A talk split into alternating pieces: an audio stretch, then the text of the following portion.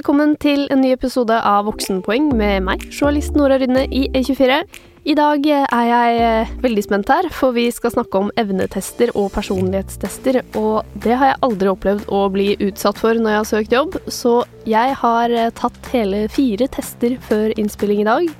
Til å snakke om det, så har vi fått besøk av en rekrutterer og en akademiker i dag. Det er deg, partner Nikolai Terani i konsulentselskapet Navigio. Velkommen. Takk, takk. Og så er det deg, førsteamanuensis ved Institutt for ledelse og organisasjon, Helene Tronstad Mo ved Høgskolen Kristiania. Velkommen til deg òg. Hjertelig takk.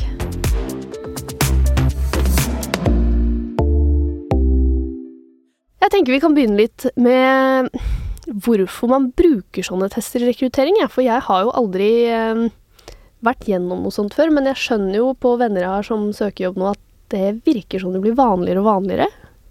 Ja, og det gjør kanskje det.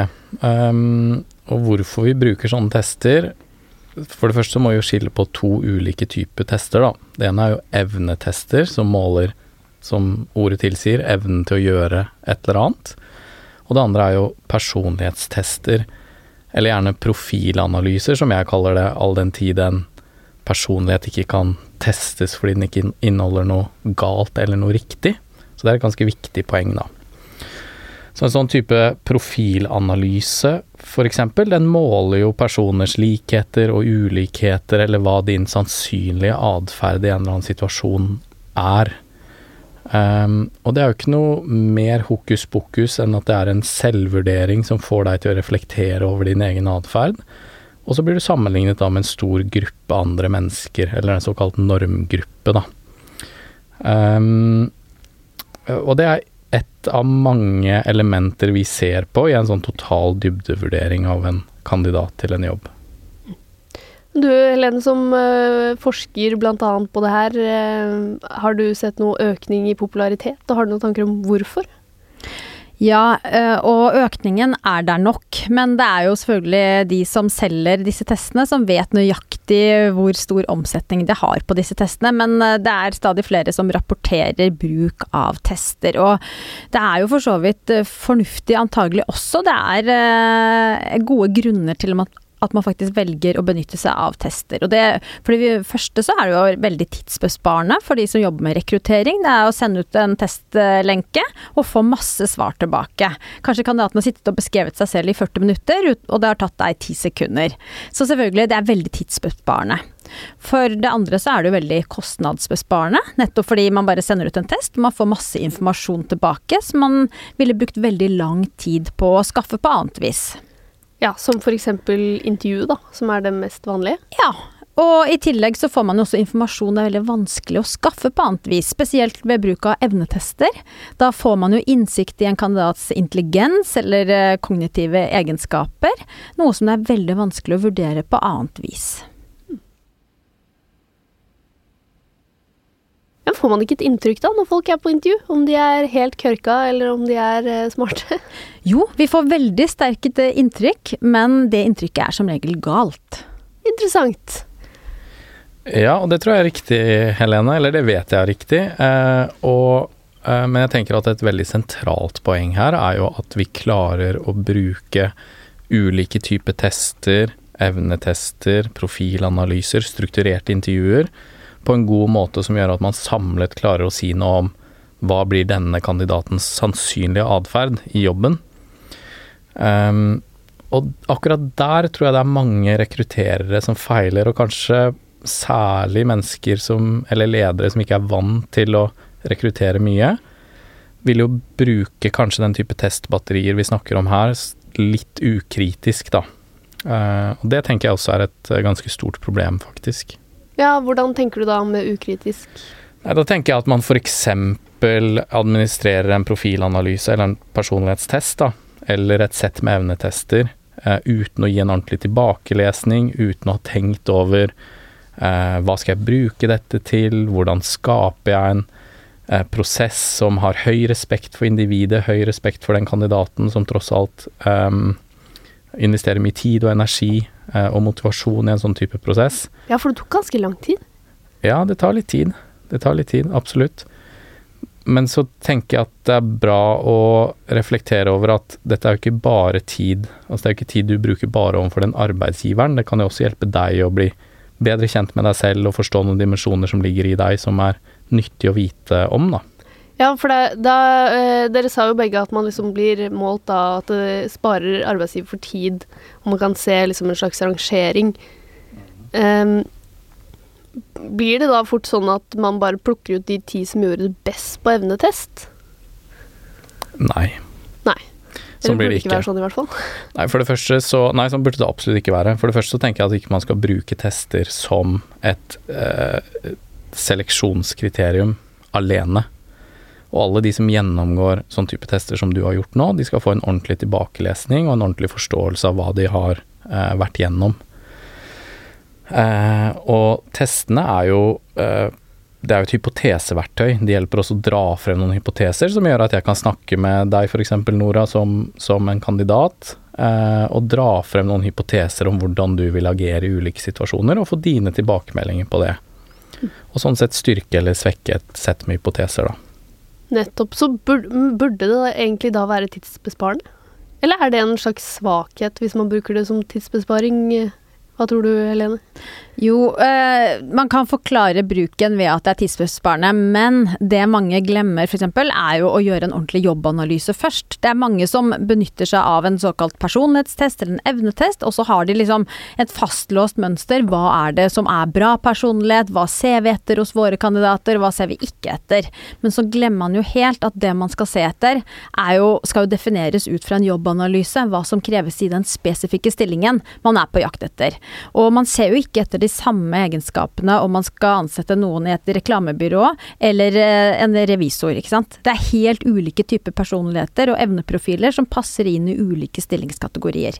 Og det er nok et sted hvor det syndes mye blant rekrutterere. Man slurver av gårde, sender ut noen tester, får en profil, og så sitter man og kjenner litt på er dette en persontype jeg liker, er det bra personlighet? Og så glemmer man helt at det er helt totalt irrelevant hva man selv liker. Mm. Det er hva som kreves i den spesifikke stillingen man er på jakt etter en kandidat til, som er det som er avgjørende. Ja, så man, eh, det krever litt jobb også hos arbeidsgiveren å liksom tenke gjennom eh, om man egentlig bør bruke en test, og om man greier å bruke den ordentlig? Absolutt, det krever veldig mye kunnskap både å benytte tester, men også skjønne når man ikke skal benytte tester. Mm. Men hva syns dere, burde man bruke tester, eller ikke? Burde alle bruke tester? Jeg tenker at uh, altså testmarkedet uh, er jo noe som ikke er regulert, da. Og det tenker jeg er en utfordring for de personer som ikke forstår altså uh, ganske hva skal man si, grunnleggende begreper rundt validitet og reliabilitet og hvordan man administrerer en test på en god måte osv. Um, bør antagelig ikke bruke tester. og kanskje også, som Helene er inne på, personer som ikke ikke klarer å klart definere hva de For det første hva de ser etter, hva er det vi, er det vi på en måte sammenligner mot? Eh, og for det andre å, å, bruke verktøy som måler det de da sammenligner mot. Det tenker jeg Da tenker jeg at man heller kan la være. Eh, og bruke enklere målemetoder som f.eks. strukturerte intervjuer eller gode referanseintervjuer eller se på tidligere erfaring, eller bruke arbeidsøvelser, caseøvelser. Det er veldig mange andre typer tester da, eller øvelser man kan bruke for å forutsi fremtidig jobbprestasjon. Men hvilke tester er det som er vanligst, da? Eh, jeg fikk jo fire stykker. tre sånne evnetester som målte forskjellige typer IQ, eller? Ja. Du fikk tre typer evnetester. Den ene heter induktiv logisk tenkning, og den ja. andre heter numerisk intelligens, og den tredje heter verbal intelligens. Uh, så det er tre forskjellige evnetester, og så fikk du en profilanalyse eller en personlighetstest. Og det er jo ikke en test i kognitiv forstand eller intelligensforstand. Den, den, der ber vi jo deg om å reflektere over egen atferd i ulike situasjoner. Ja, nettopp. Og det ble jeg jo faktisk litt positivt overrasket over at den fortalte meg helt konkret at sånn, nå skal du tenke på hvordan du er på jobb. Mm. For det er jo Jeg har tatt sånn personlighetstester på nett før, og så har jeg vært litt sånn Hm, jeg er jo forskjellig Jeg vil jo agere forskjellig i en jobbsituasjon og i en personlig situasjon. Og jeg har jo hørt om folk også som har fått sånne personlighetstester der de har svart liksom Jeg er veldig spontan, men mm, jeg er jo ikke så spontan at jeg bare ikke møter opp på jobb fordi jeg har dratt til Granca. Nei. Og det, det er jo et veldig godt poeng, egentlig, fordi man er, ikke, man er ikke ute etter å stille noen til veggs, da. Så la oss si du er veldig spontan, uh, men du stikker jo ikke bare fra jobb klokken ett uten å være med på et møte som begynner klokken to. Uh, og det gjør du ikke fordi du er klok nok til å forstå at det skal du ikke gjøre, og fordi du har en plikt i deg, en samvittighetsfullhet. Sant? Det er mange ting som, som styrer atferden din annet enn den impulsivitet, da, hvis det ligger i deg. Ja, hvilke tester er det du ser eh, er vanligst? Pleier man å ta liksom både IQ-tester og personlighetstest, eller er det vanlig at man bare bruker én av dem? Ja, det vanligste er jo personlighetstester. Det er det man bruker eh, i veldig stor grad. Og så er det noen som har eh, tester som gjerne ikke egentlig kvalifiserer til å kunne omtales som en test. Sånn litt sånn hjemmesnekrede makkverk av noen mm. profilanalyser, eller hva man kaller det. Eh, så, så, det er jo personlighetstester som er mest brukt. Men så ser man ut fra forskning at det er faktisk evnetester som har i størst grad evner å forutsi hvem som vil kunne lykkes i en stilling eller ikke. Men da er jo jeg veldig spent på å få resultatene mine. Eh, og da eh, tenker jeg kanskje du kan få liksom demonstrere litt, da, eh, hvordan du ville gitt meg tilbakemelding hvis jeg hadde søkt jobb eh, gjennom ditt firma, da, mm. Nikolai. Mm. Eh, hva hadde du sagt til meg? Da hadde jeg begynt eh, Da sitter vi sammen i et rom, og så snakker vi antagelig litt om løst og fast først, for å bare på en måte eh, hva skal man si, sette stemningen og sørge for at du er eh, komfortabel i situasjonen. Og så hadde jeg begynt med å forklare hva er det vi har målt, og hvorfor har vi målt det. Og da går jeg gjennom en sånn veldig sånn skjematisk oppstilling av hva er det man måler i en, i en uh, rekrutteringsprosess. Og det handler om å måle, forsøke å måle kompetanse. Hvilken historisk kompetanse har du med deg inn, altså det som er i CV-en din. Hvilket potensial har du til å tilegne deg mer læring? Det går jo på evnetestene, sant. Så snakker vi litt om motivasjon, hva betyr det? Um, hva er det som trigger motivasjonen om deg, eh, eller i deg? Og så snakker vi om personlighet og personlighetstrekk. Og da pleier jeg å spørre kandidatene har du gjort personlighetstester før, eller er dette helt nytt for deg? Og litt avhengig av hva de svarer da, så forteller jeg litt om ja, det som er på en måte det hva skal man si, um, grunnleggende forskningen bak disse personlighetstestene, da, som handler om det vi kaller big five, eller femfaktormodell og trekkteori, og hva er det som påvirker et menneske til å agere i en, en eller annen retning, osv. Så, videre. så jeg bruker ganske mye tid, la meg si jeg bruker 10-15 minutter på å liksom sette den det grunnlaget, og det er delvis for å få deg til å føle deg komfortabel, selvfølgelig. Mm. Eh, men også fordi eh, vi må bygge et fortrolighetsnivå for å begynne å snakke om noen av disse tingene. Og helt sånn prinsipielt fordi jeg mener det skal være en åpenhet rundt hva du blir målt på, og hvorfor du blir målt. Ja. Etter det så pleier jeg da å gå inn i samtalen. Så jeg er veldig bevisst på å kommunisere at dette er en samtale, det er ikke et intervju. Det er ikke min jobb å forsøke å liksom arrestere deg på noen som helst måte, men vi skal gjennom denne samtalen da, komme frem til hva er de styrende trekkene som ligger i deg, og hvilke arbeidsmessige konsekvenser har det. Um, og inn i den samtalen så pleier jeg ofte å spørre om uh, først, hvis du skulle beskrevet deg selv, hva ville du uh, hva ville du lagt vekt på, eller hvordan ville omgivelsene dine beskrevet deg som, som, person? Og da går du automatisk inn i Jeg kan tenke meg at du ville sagt noe i retning av at jeg er sosial, og jeg er energisk, og jeg trives godt med å være sammen med mennesker, og jeg um, er veldig um, hva skal man si, resultatbevisst, eller ja Folk bruker jo liksom ulike beskrivelser av seg selv, da. Så bruker jeg ofte det som en liksom slags mal på uh, de hypotesene du har om deg selv, på et vis. Og så begynner vi å gå inn i og diskutere det ut fra de hypotesene jeg da har foran meg. Ok. Men skjer det da ofte at jeg ville sagt uh, at eh, jeg hadde Altså at jeg ville beskrevet meg selv på en måte som du ikke kjenner igjen i personlighetstesten? Ja, det kan jo skje, men det ligger jo på en måte i testens natur at hvis du har gjort den på, en, eh, på den måten den er ment å gjøre på, da, altså du har reflektert over din egen atferd og, og, rapportert eller speilet det tilbake i testen på en måte, så det, det skjer jo ikke så veldig ofte, men det er alltid liksom enkeltelementer som ikke stemmer. Mm. Uh, og da er det jo sånn at dette, min test, for å kalle det det, det er en, et hypoteseverktøy. Dine svar er jo fasiten, sant. Så det er ikke sånn at jeg vet noe om deg som ikke du vet om deg selv. Ja, ok, det får vi jo håpe. For jeg Ja. hadde følt i et sånt intervju at sånn Nå sitter du og vet et eller annet om meg som jeg ikke vet selv. Det var litt ubehagelig. Ja, og det kan jeg skjønne, men man kan se det på en måte fra et på en måte standpunkt hvor det er ubehagelig, eller et standpunkt hvor det er utviklende, da. Sant? Fordi du kan jo også lære noe om deg selv i hvordan du agerer i ulike situasjoner, og så gjennom å forstå ja, hvilke utviklingsområder du har, eller hvilke situasjoner du ikke er så sterk i, så kan du legge på annen atferd som gjør deg til en bedre leder eller en bedre arbeidstaker. Så det er litt sånn coachende, et coachende element også. Og så evnetestene, da. Jeg har sittet lenge og lurt på om jeg er kjempedum, fordi det gikk fryktelig fort. Og det gikk på tid, og det ble jeg stressa av. Og jeg kom ikke gjennom alle oppgavene, så eh, er jeg dum? Du er på ingen måte dum. Eh, Yes! Så, så eh, definitivt ikke. Ehm, det vi ser på da når vi gjør evnetester, for det første så ser vi på en kombinasjon av f.eks. de tre som jeg nevnte i sted, altså induktiv logisk tenkning, eh, numerisk intelligens og verbal intelligens. Det er sånn typisk kombinasjon. Ja, og den første, det er sånn typ Litt sånn Mensa-aktig. Litt sånn Ja, det kan du si. Litt sånn klassisk IQ-test. klassisk IQ-test sånn på baksiden av avisen, liksom, hvor man fyller Mm. inn eh, og tester seg selv. Eh, mens de andre går jo på mye mer spesifikke intelligenser. Numerisk in- intelligens naturlig nok på tall, og verbal intelligens naturlig nok på det skriftlige og muntlige språket, da. Mm. Du gjør det bra på alle tre, men du gjør det jo særlig bra på den verbale intelligensen, altså på det språklige.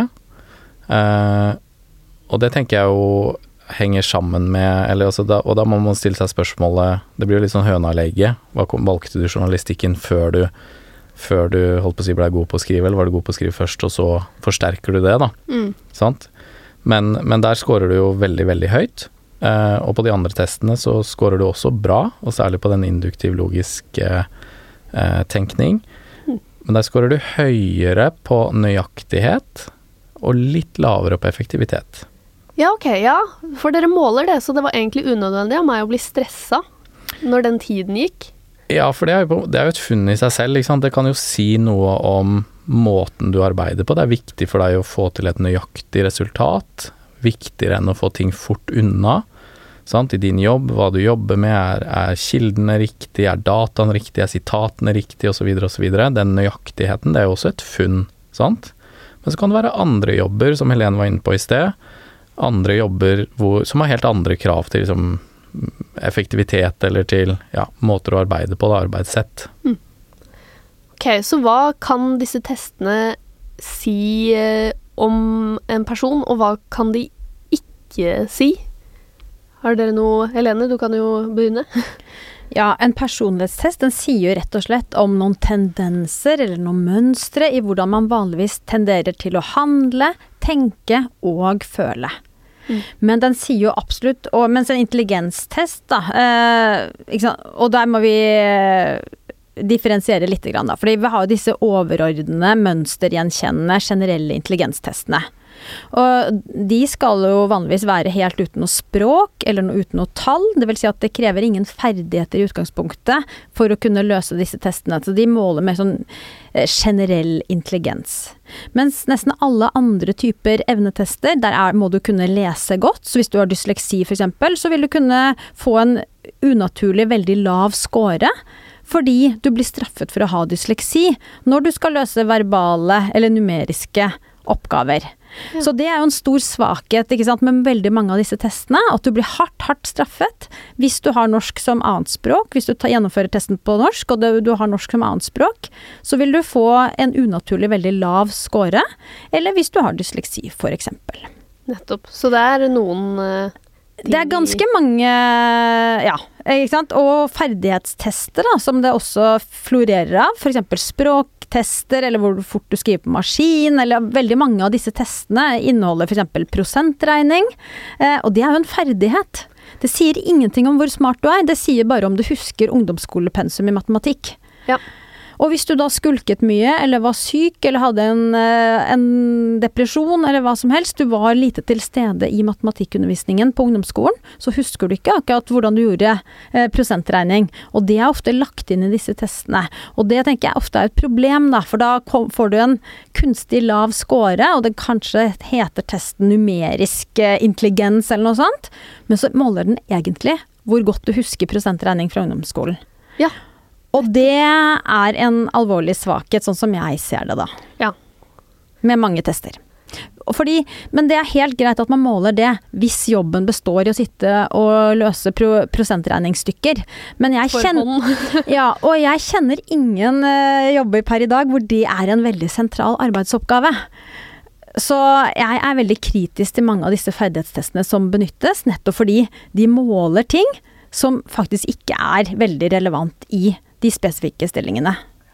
Så det er litt avgjørende, da, som eh, du sier, Nikolai, at man, at man eh, presenterer de resultatene og snakker med kandidaten etterpå. Ja, veldig avgjørende. Det er jo ikke, det er jo ikke sjelden at det kommer opp eh, emner som f.eks. dysleksi eller dyskalkuli eller den type ting, men det krever jo da at man eh, leser tilbake, som vi kaller det, testene på en god måte, forstår hele kandidaten, forstår hele bildet, og ikke minst at det er en fortrolighet mellom den som leser tilbake testene og kandidaten, som gjør at eh, kandidaten da forteller om de ulike elementene som kan påvirke resultatene av testene, da. Ja, for jeg snakket med noen venner her om dagen om nettopp det, at eh, ingen av oss lenger kan eh, liksom enkle regnestykker på papir. Og jeg må innrømme at jeg juksa på den numeriske testen. Jeg brukte prosentregning.no. Kjempefin liten side. Så tenkte jeg det må jo være greit, fordi jeg regner jo masse prosent hele tiden eh, hvis jeg f.eks. jobber på børsbordet. Jeg gjør ikke det for hånd, Nei. for det har jeg jo ikke tid til. Eh, er det, var det skikkelig juks? Nei, det tror jeg ikke jeg vil si at det er, for det, du må jo relatere det til en Altså Litt av poenget her er å forsøke å relatere det til en arbeidssituasjon. Da. Det er veldig sjelden noen av oss vil være i en situasjon hvor vi ikke har muligheten til å slå opp på, på telefonen eller på PC-en, eller bruke et eller annet hjelpemiddel. Poenget er jo å komme frem til eh, å komme frem til et svar. Så å bruke en kalkulator f.eks. på prosentregning, det, det er jo ikke noe Det er ikke noe unaturlig å gjøre det. Det var bra, for jeg følte meg litt sleip som hadde gjort det. Men eh, hva, så, hva er et klassisk eksempel på dårlig bruk av en sånn test? Er det noe jeg som eh, jobbsøker kan gjenkjenne hvis jeg har blitt eh, testet, da? Ja, og der er listen eh, lang, vil jeg si. For det første er det jo veldig mange hører som har mottatt noen tester, eller gjennomført noen tester, og de aner jo ikke hvilke type tester de har faktisk fylt ut. De vet ikke om det er en evnetest eller en personlighetstest eller en motivasjonstest, f.eks. Hmm. Og det tenker jeg er det første. Eh, og for det andre så reagerer jeg også veldig når jeg hører at folk blir invitert til å ta en en verbal test, en numerisk test, gjerne et sånt stort batteri, da. Og så skjønner de ikke hvorfor de skal ta testene. Så det bør jo også den som skal sende en invitasjon, forklare hvorfor. Hva er motivasjonen bak at vi gjerne vil invitere deg til å ta disse testene? Den som skal ta testen, må skjønne hvorfor de skal gjøre det. Eh, og for det tredje så bør man også sjekke om kandidaten har dysleksi. Jeg syns det er uetisk å invitere en med dyskalkuli eller eh, dysleksi til å ta en test hvor de ikke får vist hva de kan. Eh, og for det andre så, eller for det tredje så bør man heller ikke invitere folk til å ta tester som ikke faktisk er relevant. Fordi liksom, ja, du tok en test, du fikk en veldig lav score, men det er ikke så viktig den jobben her. Ja, hvorfor i all verden fikk du da invitasjon til å ta den testen, hvis det ikke er så viktig den stillingen her. Så det er mye rart. Og så i tillegg selvfølgelig så er det jo mange som sender ut tester som eh, Testen har for lav validitet, den er ikke gyldig, den er ikke pålitelig, altså reliabel, og den er, baserer seg heller ikke på rettferdige normgrupper. Men er det noe jeg kan avdekke som person som søker jobb? Det er jo en veldig vanskelig situasjon, da, fordi du som søker jobb, og det, det er jo der alle som rekrutterer må være veldig bevisst på sin rolle, for det er du som søker jobb vil jo alltid føle at du at det er en uh, skjevhet i på en måte makten mellom deg og, og rekrutterer eller rekrutterende leder. Så jeg vil jo tenke at det er veldig vanskelig for en kandidat å si disse testene er ikke sertifisert av DNV f.eks., så de vil jeg ikke gjennomføre. Da stiller du deg selv eh, Altså det vil jo være en rett ting å gjøre egentlig, sånn prinsipielt, men, men du stiller jo deg selv i en veldig vanskelig situasjon i den jobbsøkerprosessen, da. Ja. Um, men jeg hører også historier om um, selskap som bruker evnetester eller personlighetstester f.eks. som um, enkeltstående utvelgelseskriterier, og det er jo også ganske alvorlig, da. Hvis jeg hadde sendt en evnetest til deg eh, i en rekrutteringsprosess, og så ser jeg ok, scorene er lave, og så følger jeg deg ikke opp på noen måte, eller gir deg ikke noe tilbakelesning eller tilbakemelding, eller forklarer på noen som helst måte hvorfor du har blitt bedt om å gjøre det, det er jo også ganske alvorlig, da. Da hadde jeg blitt dritsur, faktisk, hvis jeg bare Ja. gikk rundt og tenkte ja ja, ok, nei, men da er jeg for dum for arbeidsmarkedet, da. Ja, det skjønner jeg godt. Men er det sånn at hvis jeg hadde hatt dysleksi eller dyskalkuli, da burde jeg sagt fra før jeg tok testene? Er det innafor, eller stiller du deg da i en kjempesvak posisjon og burde bare håpe at arbeidsgiver er såpass oppegående at du blir kalt inn og får en sjanse til å forklare det etter testen? Vi vil jo, hos oss så vil vi aldri gjennomføre en test uten å invitere deg til en eh, fordypt vurdering da, etterpå, eller tilbakelesning etterpå. Um, om du burde sagt fra om det, ja det er jo veldig, absolutt veldig bra, men jeg tenker det er mer på en arbeidsgivers eller en rekrutterers uh, bord å spørre deg om det, mer enn at du har et um, At det ligger på deg, på en måte. Men jeg burde på en måte ha snakket med arbeidsgiver før jeg tar testene. Jeg tenker jo at den som inviterer til å ta en test, bør jo spørre deg eh, er det noe jeg bør vite om deg eh, i forbindelse med disse testene, ikke sant? Det er jo kjempeviktig. Så hvis jeg bare får, hvis jeg søker en jobb da, der jeg bare får tilsendt en, te tilsendt en test uten noe, er det da innafor å ringe opp og si, altså spørre litt? Ja, jeg mener jo det. At det er din fulle rett. At du kan ringe opp og si at vet du, nå har jeg mottatt noen ulike testlenker her. Kan du være så snill å fortelle meg litt om bakgrunnen for at jeg har fått disse tilsendt, og litt om hvorfor dere vil at jeg skal gjennomføre disse testene. Vi er klar for eh, kjepphestspalten, som vi alltid er i Voksenpoeng. Hva er din kjepphest, eh, Nikolai, på evnetester og personlighetstester?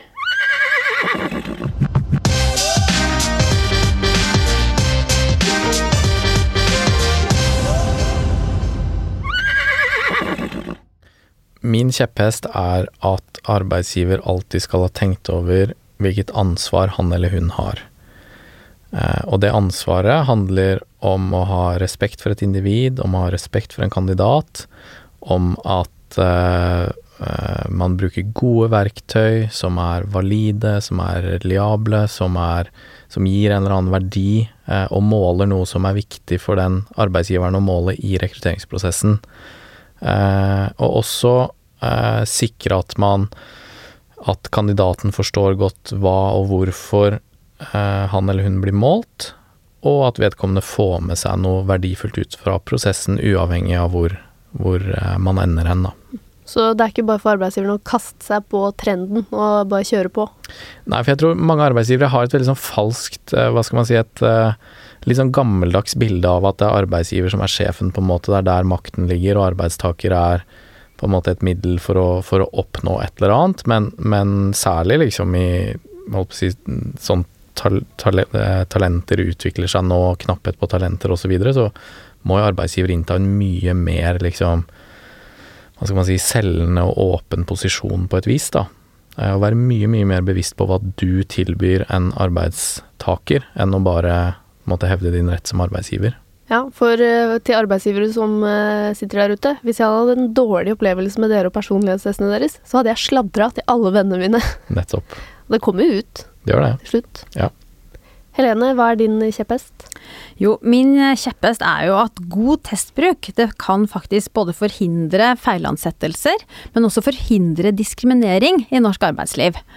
Og det er jo rett og slett fordi de som ikke har den perfekte CV-en, har toppresultater i alle fag, tatt kjempehøy utdanning, gått på de riktige skolene, kjenner de riktige menneskene. De som kanskje ikke er så flinke til å snakke for seg i jobbintervjuet heller, ikke er den karismatiske med glimt i øyet som kommer inn i den nye Armani-dressen. De fleste av oss er ikke der, og de kan virkelig skinne ved god testbruk. For testen er jo både blind for karisma og høy og mørk-faktoren og alt dette her. Den ser jo Gode tester ser jo på ditt potensiale, hva du kan få til. Og hvordan selger man inn det, da? Jo, det er jo ved å forklare at denne testen måler ikke hva du kan i dag. Eh, Ferdighetstester sånn måler jo bare hva du kan. Men gode generelle evnetester, de måler jo hvor fort du lærer, hvor kognitivt fleksibel du er, hvor godt du vil kunne sette deg inn i nye arbeidsoppgaver, skjønne spillet kjapt og bidra på en arbeidsplass. Selv om du kanskje ikke er der helt per i dag. Og det er jo en veldig fin overgang eh, til at eh, vi skal snakke litt om hvordan man nettopp som arbeidssøker da, greier å få de testene til å jobbe for seg og ikke imot seg. Eh, så har dere noen tips til hvordan man burde forberede seg hvis jeg f.eks. får en varsel om at jeg skal ta evnetester eller personlighetstester? Ja, eh, på en personlighetstest så ville jeg faktisk gått inn og lest litt om testen. Eh, for i, helst så skal jo arbeidsgiver, da, eller den som inviterer deg til å ta en test, fortelle deg litt om det teoretiske grunnlaget for testen, hvor lang den er, hva du kan forvente deg av den osv. Men hvis det ikke skjer, og du kanskje føler deg ukomfortabel med å ringe, så ville jeg lest lite grann om testen på forhånd. Hva tror du, Nikolai? Er det noe jeg kan uh, gjøre? Ja, med en personlighetstest så er det sånn at det finnes jo ingen riktige eller gale svar. Men, eh, men eh, man må heller forsøke å se på det som at du kan lære noe om deg selv. En personlighetstest er jo en, en, en selvrefleksjon hvor du plasserer deg selv på ulike dimensjoner. Eh, og i den så gjelder det jo å svare så ærlig som mulig, ikke forsøke å svare strategisk rett, ikke forsøke å liksom lure testen. Da. Den er utformet på en sånn måte, de gode i hvert fall, utformet på en sånn måte at de avslører jo inkonsistens.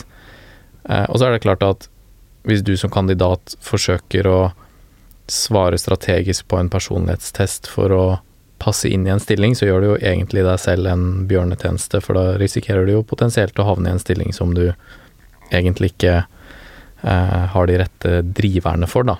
Mm. Sant?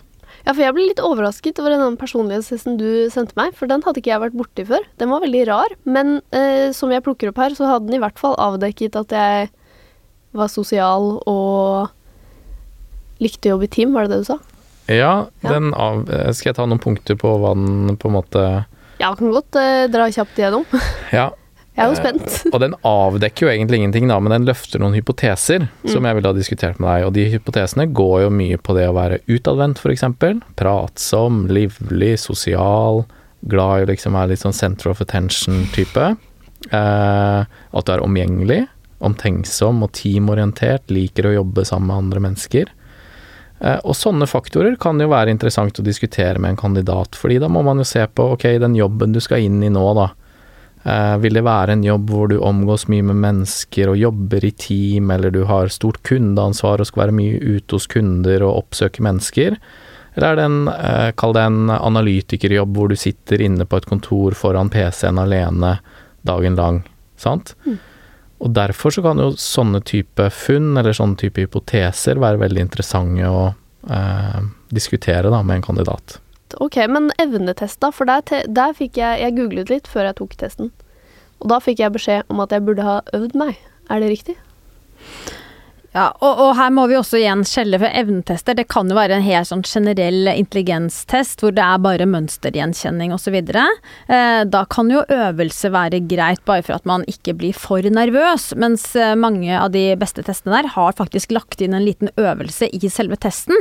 Mm. Slik at de første fem minuttene eller sånt, så telles det ikke med i det totale testresultatet, men du får en liten sånn gratis øvelse først. Mens de spesifikke ferdighetstestene, hvor du skal eh, være på topp i prosentregning osv., da er det klart at det lønner seg å laste ned alle slags typer verktøy og apper som kan eh, bistå deg. Og så kan man jo igjen si eh, hvor gode er de testene da? Måler de hvem som har to kompiser som kan sitte på hver sin side og bistå deg? Det er jo kjempelett å invitere folk inn i til å hjelpe deg, laste ja, ned ulike verktøy osv. Så, videre. så det er ja det kan man jo vurdere, om det da kanskje eller For det første, er dette relevante ferdigheter i stillingen? Det lurer jeg ofte på når jeg ser slike ferdighetstester. Hvilk, hvem i all verden har en stilling hvor dette er høyst relevant? Ja, jeg tenkte litt på det når jeg tok de testene, for jeg vet at det er eh, mediehus som bruker de testene. At det er litt sånn Ja, åpenbart er jeg sterkt verbal. Mm. altså, du kan jo se det på CV-en min. Trenger du denne testen? Mm. Men um, Men ja. Hva syns du man burde øve? Ja, jeg syns absolutt man kan øve, ja. Delvis for å for å holdt på å si, bli god på testet, men også for å sette seg litt inn i liksom, tankesettet og måten å jobbe på osv. Um, men også tenke det at det er jo helt normalt å være litt stressa før man gjennomfører en evnetest f.eks., på samme måte som en eksamen eller et intervju eller en Mm. stor leveranse på jobb, sant, så er man jo gjerne litt nervøs, og da gjelder det å forsøke å roe seg litt ned, og kanskje øve på noen oppgaver og bli komfortabel med den måten å jobbe på, da. Jeg ble veldig stressa av den tiden som eh, gikk, men det ble, jeg ble litt beroliget av at du sa at man jo faktisk også blir testa på ikke bare hvor rask man er, hvor mange oppgaver man kommer gjennom, men at den liksom har et litt mer helhetlig bilde, da. Det anbefaler jeg å tenke på, i hvert fall. Det blir jeg beroliget av. Men eh, hva, eh, hva kan man gjøre når man først er i denne intervjusituasjonen? Har du noen sånn tips til hvordan man kan forklare sine resultater? Eh, hvis jeg f.eks. hadde søkt på en jobb eh, som jeg virkelig ville ha, som gikk ut på å sitte mye alene og jobbe, men jeg mente at mine liksom sosiale eh, tilbøyeligheter var mest liksom utenfor jobb, men jeg kunne trivdes med å jobbe alene på jobb. Hadde jeg kunnet forklare meg unna den personlighetstesten? Ja, absolutt. Det er, jo, det, er dine, det er jo dine svar og din refleksjon over hvem du selv er, som er fasiten her. Som vi snakket om i sted, det er jo ikke sånn at jeg øh, vet noe om deg som ikke du vet om deg selv, eller fordi testen ligger på en åtte eller ni istedenfor en én eller to, så kan jeg definitivt si at sånn er du, etter å ha kjent deg i øh, noen minutter. Sånn er det jo ikke. Men det kan hende at jeg ville fått deg til å reflektere litt over hva det ville betydd for motivasjonen din at jobben var sånn utformet. Og man kan jo f.eks., hvis vi skal se helt sånn banalt eksempel, da, men om man ligger lavt på liksom faktorer som struktur f.eks., det er det jo ganske mange som gjør. Er det farlig? Nei, det er ikke farlig i det hele tatt, det. Men da bør du kanskje ha reflektert over at du bruker Du flagger mailene dine, eller du skriver to do-lister, eller du jobber sammen med andre mennesker som er mye mer strukturerte enn deg selv, f.eks. Så, så det handler jo kun om liksom selvrefleksjon og forståelse av hvem du selv er. Mye mer enn hva som er rett og galt. Hva, har du noen tips der til hvordan man liksom kan eh, få de testene til å funke så godt som mulig for seg selv, sånn som du snakket om i kjepphesten din? Ja, og jeg tenker det er jo særlig evnetester mange syns er litt vanskelig, da. For ikke sant, la oss si at man øh, Og eh, jeg hørte noen nevnte liksom bra eller dårlig. Det vil jeg ikke helt si om et testresultat, men jeg kan si lav score eller høy score. Og la oss si at man scorer noe under gjennomsnittet, da, under normgruppen på en evnetest. Det er ofte den situasjonen som flest syns er litt vanskelig, da. Hvordan skal jeg bortforklare det, eller hva kan jeg si? Og, og noen bare sier jeg skylder på nervøsitet. Det er jo en vanlig exit, men den sier kanskje ikke så mye om hva du da kan bidra med i en arbeidssammenheng. Men hvis du f.eks. kan vise til at du har fått veldig gode resultater i tidligere stillinger, eller at du f.eks. har mange a-er på vitnemålet ditt, så vil jo jeg som eh, representant for arbeidsgiver, eller den som skal tolke et slikt resultat, tenke da at oi, det sier jo noe om meget gode arbeidsrutiner. For la oss si at du da kanskje scorer noe lavere enn gjennomsnittet på en evnetest, men får toppresultater. Da er du en arbeidshest, antagelig. ikke sant? Det er en hypotese, i hvert fall. Du jobber hardt. Og, og det er jo veldig gode rutiner som en potensiell arbeidsgiver vil sette meget høy stor pris på.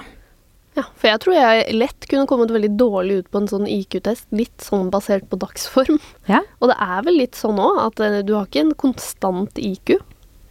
Jeg vil jo tro at IQ-en er konstant, men at mål, altså da er det noe i målingen. Da. Hvis du er veldig sliten eller stressa en dag, så det handler jo mye mer om vi klarer å måle det vi forsøker å måle, da. Mm. Sant? Og hvis du er i en situasjon hvor du er veldig stressa eller lei deg eller et eller annet, så er det jo ikke sikkert vi klarer å måle det vi tror vi klarer å måle gjennom en sånn test. Nettopp. Og det vil jeg anbefale alle å si fra om hvis du har, tatt, eh, hvis du har hatt eh, nattevåk mm. hele natten, du har migrene og er lei deg for at hunden din døde samtidig, ikke sant, og så skal gå rett på å ta en slik test, så kan du be om at du jeg har hatt en litt heftig natt. Eh, Fint hvis jeg kan ta den i morgen i stedet. Ja. Det er helt uh, greit. Så det er noen Det er liksom noen ting jeg kan være litt sånn kravstor på hvis jeg blir bedt om å ta sånne tester. Jeg kan be om et sånt minimum oppfølgings... Ja, jeg vil ikke Jeg vil jo si heller da at du da har en selvrespekt, ikke sant, og at du er en seriøs uh, jobbsøker, mer enn at du er kravstor, da, som var dine ord. Ja. Men mer at det hviler et ansvar på arbeidsgiver for å gi deg den informasjonen og stille deg det spørsmålet om du er klar til å ta testen i dag eller ikke, snarere enn at det hviler et ansvar på deg som kandidat å si fra. For det kan jo veldig mange synes at det er vanskelig, da. Men kan jeg nekte å bli testa? Hvis jeg eh, mener at eh, Hvis jeg får en test da, som jeg tenker denne her virker dårlig, denne forfordeler på et eller annet vis, eh, kan jeg si fra om det, eller er jeg helt Skal jeg bare la være å søke den jobben, da, eller? Jeg tenker jo absolutt du kan si fra om den. Du, du, jeg, jeg, tror du ekskluderer deg dessverre fra prosessen da, ja. sant? men av respekt for deg selv så bør du jo da si fra. Så kan du jo også si noe om hvor seriøs er egentlig den arbeidsgiveren, hvis, hvis han eller hun bruker en type tester som er helt irrelevante, eller ikke gjennomfører rekrutteringsprosessen på en god måte, og du føler at du ikke blir godt ivaretatt som kandidat, så kan du jo stille deg spørsmålstegnet ved om det er et sted du har lyst til å jobbe. Ja, og det tenker jeg, det vil jeg bare si til de som hører på, at det er også ganske store norske virksomheter som, er, som jeg alltid har tenkt på som seriøse, men som nærmest er gift, altså, med, eh, med arbeidspsykologiske testverktøy som jeg som absolutt ikke holder faglige mål, da. Uh, og det må jeg bare si beklager. Og jeg vil også si til de som sitter der og bestemmer hvilke verktøy man skal bruke det skader ikke å være litt selvkritisk her og tenke gjennom er dette faglig forankrede verktøy som vi faktisk skal benytte til å sjalte og valte med folks eh, skjebne på. Altså, for det er jo faktisk det man gjør når man bruker det som grunnlag i en rekrutteringsprosess. Ok, testoppsummering her. Ikke alle bruker tester riktig, og ikke alle tester er like gode å bruke. Greit å ha i bakhodet hvis man er litt nervøs. Eh, det finnes et minimum av oppfølging som skal til for at testene skal ha noe for seg, så det er ingen grunn til å fortvile hvis du føler det ikke dårlig. Du skal jo få forklart deg. Brukt riktig skal testene egentlig bare gi et bedre grunnlag for et jobbintervju, og kan gi arbeidsgiver et inntrykk og noen hypoteser dere kan diskutere, og avdekke om jobben er noe du kommer til å trives i også, så kan være en fordel for deg. Men du skal altså få muligheten til å snakke om resultatene, og f.eks. For forklare hvorfor du eventuelt gjorde det dårlig, som hvis du har dysleksi, eller bare sov ekstremt dårlig natten før du tok testen. Hvis du har spørsmål, så burde du også ringe og stille dem, men eh, arbeidsgiver burde ha gitt deg god info først uansett. Husk, som ekspertene sier, det er du som har fasiten på hvem du er, så testene skal ikke brukes som et helt definitivt verktøy som sier akkurat hvordan du er, og kan og bør ikke brukes for å sile ut kandidater. Så hot tip til arbeidsgivere her, tenk dere om før dere bruker tester. Trengs de, og har de, dere kapasitet til å bruke dem riktig? Og det jeg lærte, som var fint for meg å huske i hvert fall, det er ikke sikkert du intuitivt skjønner hva testene skal avdekke, eh, som at en evnetest kan måle resultat på selve oppgaven, men også hvordan du løser dem. Så det trenger ikke å være så negativt at du bruker mye tid, f.eks., for, eksempel, for det kan si noe om at du er mer grundig enn rask, og det behøver jo ikke å være bedre enn noe annet. Ja, var det en grei oppsummering? Har dere noe å legge til? Husk at du som menneske er mye mer kompleks, mye mer mangefasettert og mye mer interessant enn det et sett med tester klarer å avdekke. Det var veldig fint. Helene, er du fornøyd, eller har du noe å legge til òg? Ja, eh, god testbruk det kan eh, forbedre norsk arbeidsliv ved at flere av oss faktisk trives i de jobbene vi kommer i, men det fordrer både at eh, vi kjøper de riktige testene, og at vi bruker de riktig. Tusen takk for at dere kom, eh, Nicolai Terani og Helene Tronstadmo. Produsent i dag, det var Sunniva Glessing. Og hvis du vil ha litt mer ekstramateriale og litt eh, tips og triks og behind the scenes, så må dere gå og følge meg på Instagram. Der heter vi Voksenpoeng med Nora.